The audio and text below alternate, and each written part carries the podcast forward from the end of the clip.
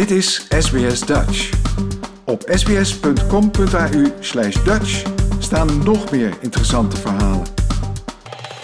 Vul maar wat in, want het maakt toch niet uit. Het zijn veelgehoorde en waarschijnlijk goed bedoelde adviezen op visum- en belastingvragen van backpackers.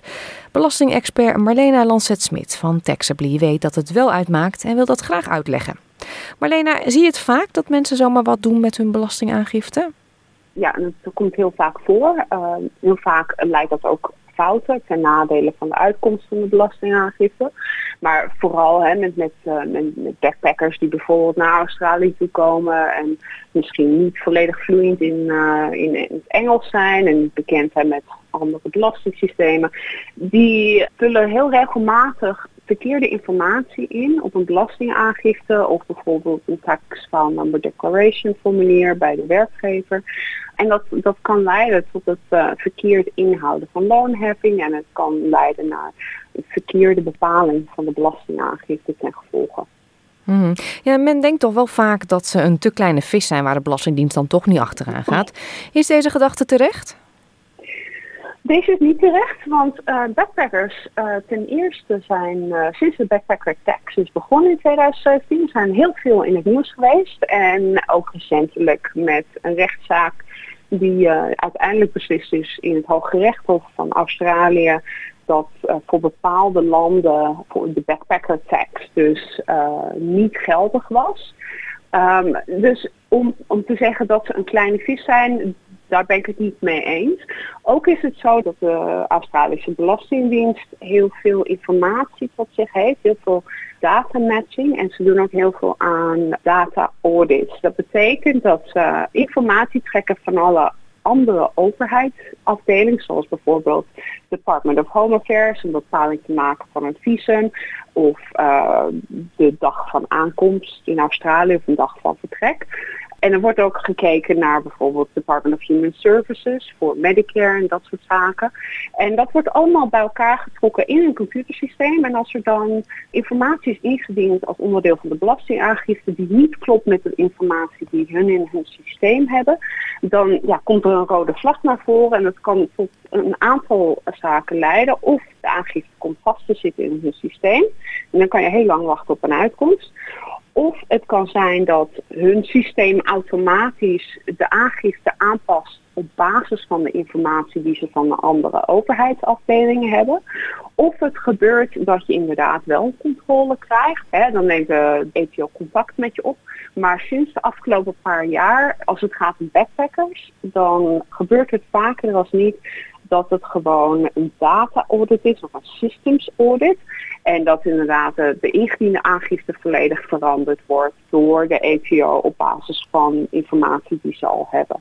Is het dan iets wat helemaal geautomatiseerd gaat, waar iedereen aan onderworpen wordt? Of heb je dan, ja, zo is het natuurlijk niet maar dikke pech als je dan net uh, zo gecheckt wordt?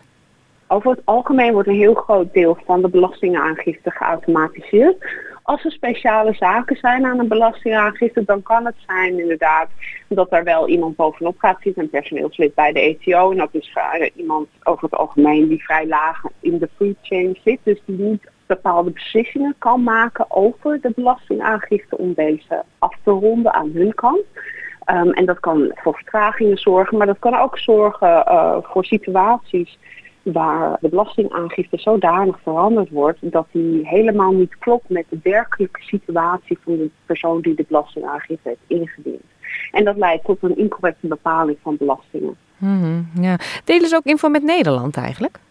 Ja, uh, Nederland, Australië, Canada, Amerika en Engeland zijn de vijf uh, J5-landen en zijn het meest actief op internationaal vlak voor het delen van informatie. Ze, delen informatie over belastingen, maar ook over sociale verzekeringen, um, immigratie en ander soort informatie. In de praktijk is het zo dat op het moment dat wij iets ontvangen vanuit Nederland, er zit daar ongeveer twee jaar tussen. Dus het is niet direct. Het kan zijn dat de Australische overheid iets wel direct ontvangt, omdat heel veel van dit soort zaken zijn geautomatiseerd. Maar het moet door allerlei procedures heen. En hè, voordat er iemand contact op gaat nemen, dan kijk je over het algemeen naar een jaar of twee. Ja, ja. Je hebt een voorbeeld hè, van iemand die goed in de problemen is gekomen door die onzorgvuldigheid waar we het eerder over hadden. Hè? Ja, wij hadden een klant, dat was een uh, Engelsman en hij had besloten dat hij naar Australië wilde komen. Hij had eerst een jaar gebackpackt in Nieuw-Zeeland en uh, had een uh, graduate visum aangevraagd vanuit Nieuw-Zeeland. Had er geen rekening mee gehouden dat de aanvraagprocedure enkele maanden kon duren. En nou, hij dacht slim te zijn en hij heeft toen dat visum geannuleerd. Dacht een teruggave te krijgen van dat geld. Natuurlijk heeft hij dat niet op geniet gekregen.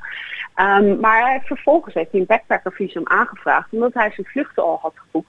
En hij zijn vluchten niet wilde annuleren. En dat backpackervisum dat werd per direct toegekend. Dus hij kon gewoon op zijn vlucht van Nieuw-Zeeland naar Australië stappen en hij had daarmee werkrechten. Nou, de intentie die hij had was dat hij sowieso in Melbourne wilde gaan wonen. Hij wilde op zoek naar een sponsorship positie. En dat was heel erg lastig gezien de situatie, gezien het feit dat hij nog maar net zijn masteropleiding af had, nog niet heel veel ervaring had. Het was misschien wat naïef. En na een maand of zes solliciteren kwam hij er inderdaad achter dat ja, zo'n sponsorship positie voor, nou het was toen een 457 visum, het is tegenwoordig een 482 visum. Maar dat het best wel lastig te krijgen is. En toen heeft hij op een gegeven moment besloten dat hij dan maar terug zou gaan naar Engeland. Gedurende die, periode uh, heeft hij overwegend in Melbourne gewoond. En uh, hij was van mening dat hij fiscale inwoner van Australië was. En dit gebeurde voordat de backpacker tax begon. Dus ten tijde dat dit speelde, werden backpackers gewoon belast als normale fiscale inwoner of als niet fiscale inwoner. En een niet-fiscale inwoner werd toen met 32,5% belast op al het inkomen, geen belastingvrij goed. Dus hij heeft zijn belastingaangifte gedaan. Deze werd door de ETO verwerkt als geen fiscale inwoner. Daar was hij het niet mee eens. Toen heeft hij zijn eigen bezwaarschrift ingediend. En dat was niet goed beargumenteerd, want hij had daar alleen ingezet. Op basis van een telefoontje met de ETO hadden we bepaald dat ik fiscale inwoner was. Dit moeten jullie veranderen. Nou goed, dit systeem van een bezwaarschrift, hier moeten we over het algemeen een juridisch argument voorleggen waarom iemand wel fiscale inwoner is of niet. En dat had hij niet gedaan. Hij dacht alles zelf te kunnen.